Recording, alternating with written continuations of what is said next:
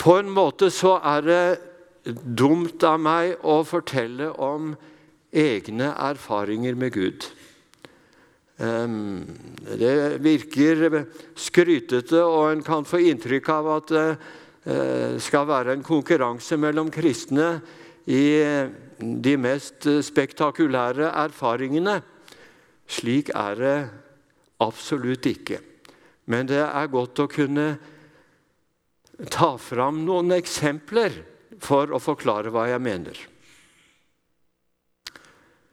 Um, historien jeg skal fortelle, um, har jeg fortalt noen ganger. Um, jeg var seks år uh, og bodde på Valsmoen nord for Hønefoss. Uh, og far hadde vært ute på en tjenestereise i Europa og var kommet tilbake med en gave til meg, en leke som ingen andre av mine lekekamerater hadde sett maken til. De bare måpte. Og denne tidlige morgenen, mens mor eh, ennå eh, var på soverommet, så satt jeg aleine og lekte med denne. Og plutselig så gjorde jeg et eller annet så den gikk fullstendig i stykker. Og jeg blei helt fortvila. Og løp inn til mor med restene. Og mor blei litt lei seg og litt sint. Og så gikk jeg tilbake igjen til stua og satt der øh, og gråt. Men så kom jeg på det at jeg skal be til Jesus. Nå tok jeg leken, øh, det som øh, restene i handa mi, sånn, lukte øynene og ba en kort barnebønn til Jesus åpna øynene, og så var den helt i orden. Løp inn til mor.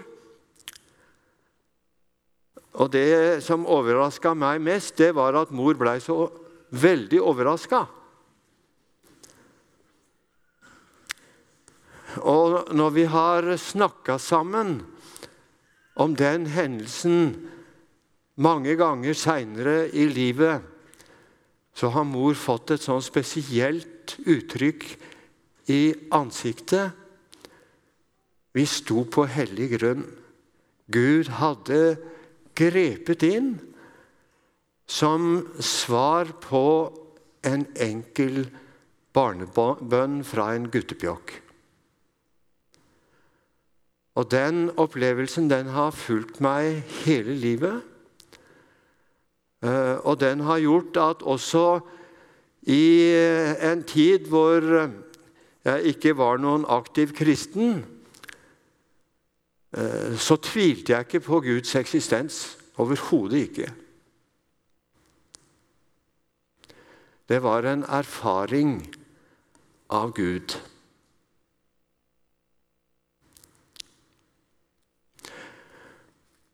For ikke så lenge siden Eh, så hadde jeg vært på Gjøvik sykehus og fått vite at um, disse kreftverdiene de var gått den gærne veien. Og det ordna de på ved nye medisiner, så det var ingen dramatikk i det. Men akkurat den kvelden da jeg la meg, så var jeg litt sånn molefonken. og så våkna jeg utpå natta. Eh, og lå og tenkte. Og plutselig så kjente jeg akkurat som det var en hånd eh, under korsryggen. En, eh, en som tok et godt tak i meg. Og det varte et kvarters tid. Og det var en fantastisk følelse. Og så skulle jeg liksom kjenne på handa, og da ble den borte. Og jeg tenkte at det var et håndtrykk fra himmelen som ville ha sagt at jeg skal løfte deg, og jeg skal bære deg. Du kan være helt trygg. Helt trygg.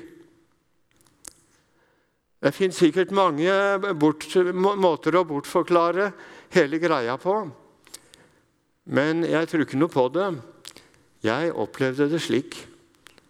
Eh, og det var en erfaring av at han kom meg nær. Og så har jeg hatt noen erfaringer eh, over en åpen bibel og under diverse talerstoler av at evangeliet har begynt å skinne. Og jeg har kjent at det er noe som har berørt meg dypt inni meg. Og gjennom eh, Eh, bønner som er blitt hørt, og bønner som eh, har blitt eh, besvart med nei.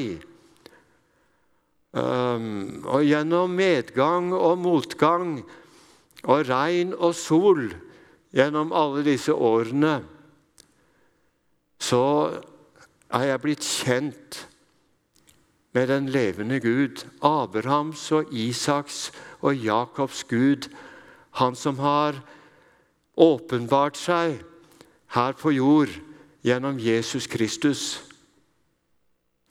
Bibelen bruker ordet 'å kjenne'. Å kjenne Han. Dette er det evige liv, at dere kjenner meg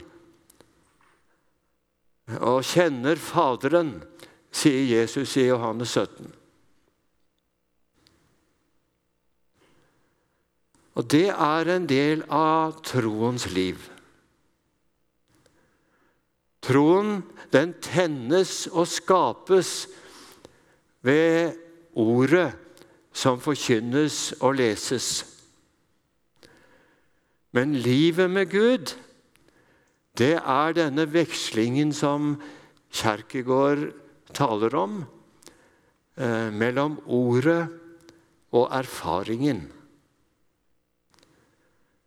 Og det var det som var Peters eh, opplevelse også. Han fikk høre Jesus forkynne og undervise. Og han fikk oppleve hva det vil si når han kommer nær og berører en disippel. Jeg hadde lyst til å gi noen eh, bibelske perspektiver på akkurat det der. Vi har en Gud som har åpenbart seg som en personlig Gud, uh, med egenskaper som på en måte kan sammenlignes med menneskers egenskaper på visse områder. Han taler til oss gjennom ordet sitt. Eh, og vi får muligheten til å besvare hans tiltale. Han har skapt oss i sitt bilde. Og det betyr at han har skapt oss til fellesskap med seg. Og Bibelen forteller at vi har en levende frelser som har stått opp fra de døde, og som lever i dag. En personlig Gud og en levende frelser. Eh, I perioder så kan troen vår være mest preget av det å tro de riktige tingene. Og det er fra en side sett veldig viktig. Det er ikke likegyldig hva vi hører av kristen forkynnelse. Men det er ikke hele sannheten. Livet med Gud handler også om å leve sammen med en levende Gud, en oppstanden frelser. Jeg vet at vi, min gjenløse lever.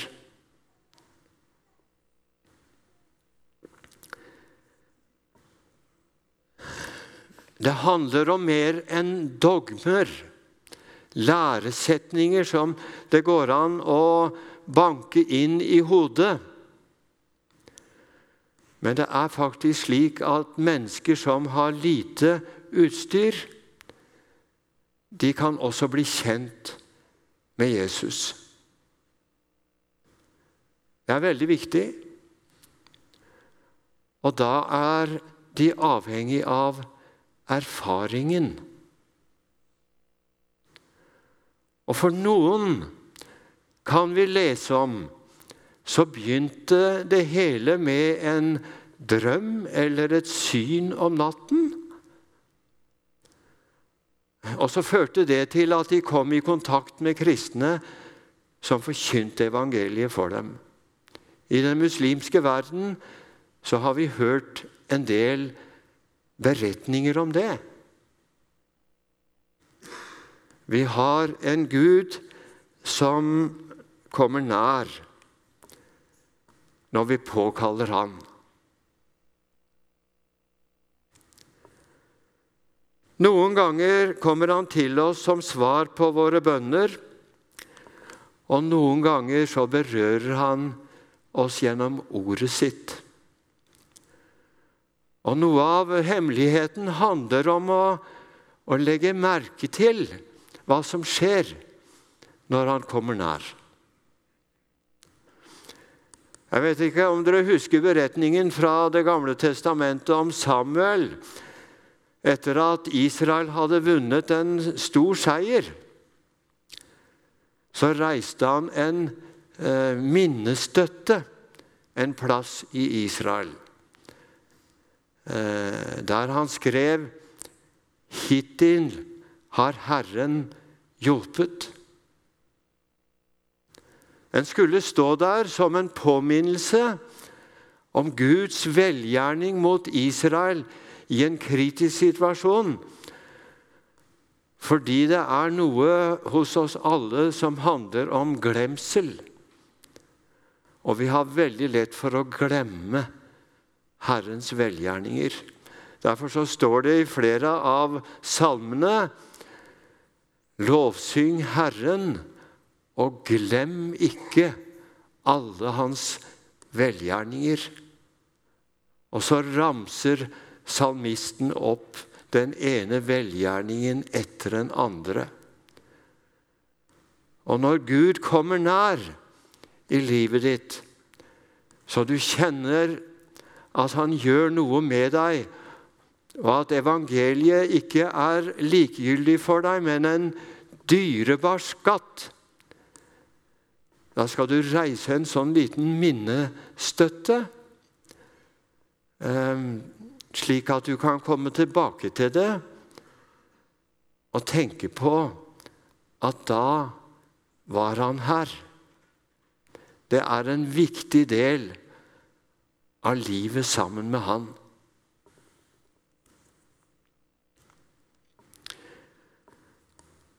Peter fikk lov å gå på vannet. Det var jo et, eh, et mektig under. Jeg har ikke tenkt å utfordre mesteren eh, på noe slikt nå. Men jeg tipper det at for Peter så betydde de få skrittene før det gikk galt, det betydde en hel del seinere for hans trosliv. De eh, ropte ut Sannelig, han er Guds sønn. Disse glimtene eh, der Gud griper inn, enten det er til helbredelse eller andre svar på våre bønner, de er gitt oss for å fortelle oss hva det er for en Gud vi har med å gjøre. Det er han som sitter på tronen. Han vi skal møte en gang, og som har all makt og all kontroll i himmel og på jord, i dag og til evig tid. Og så skal du få lov å si han er også min Gud, min frelser. Kjære himmelske Far. Vi takker deg fordi du er en Gud som kommer nær når vi påkaller deg. Vi takker deg for det store at du har gitt oss ditt eget ord,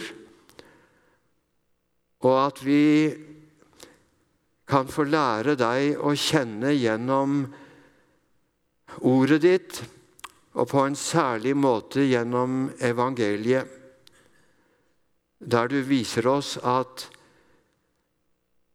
det du gjorde for oss, det er noe som holder både i livet og i døden og i dommen. Vi takker deg for at vi får være sammen denne søndagen. Og nå kjenner du hver eneste en i forsamlingen her i misjonssalen. Og du kjenner også meg, Herre. Må du gå inn til hver enkelt av oss og gi oss noe som vi trengte fra deg akkurat i denne stund. Og så priser vi navnet ditt og lovsynger deg, som virkelig ser til det som ingenting er. Amen.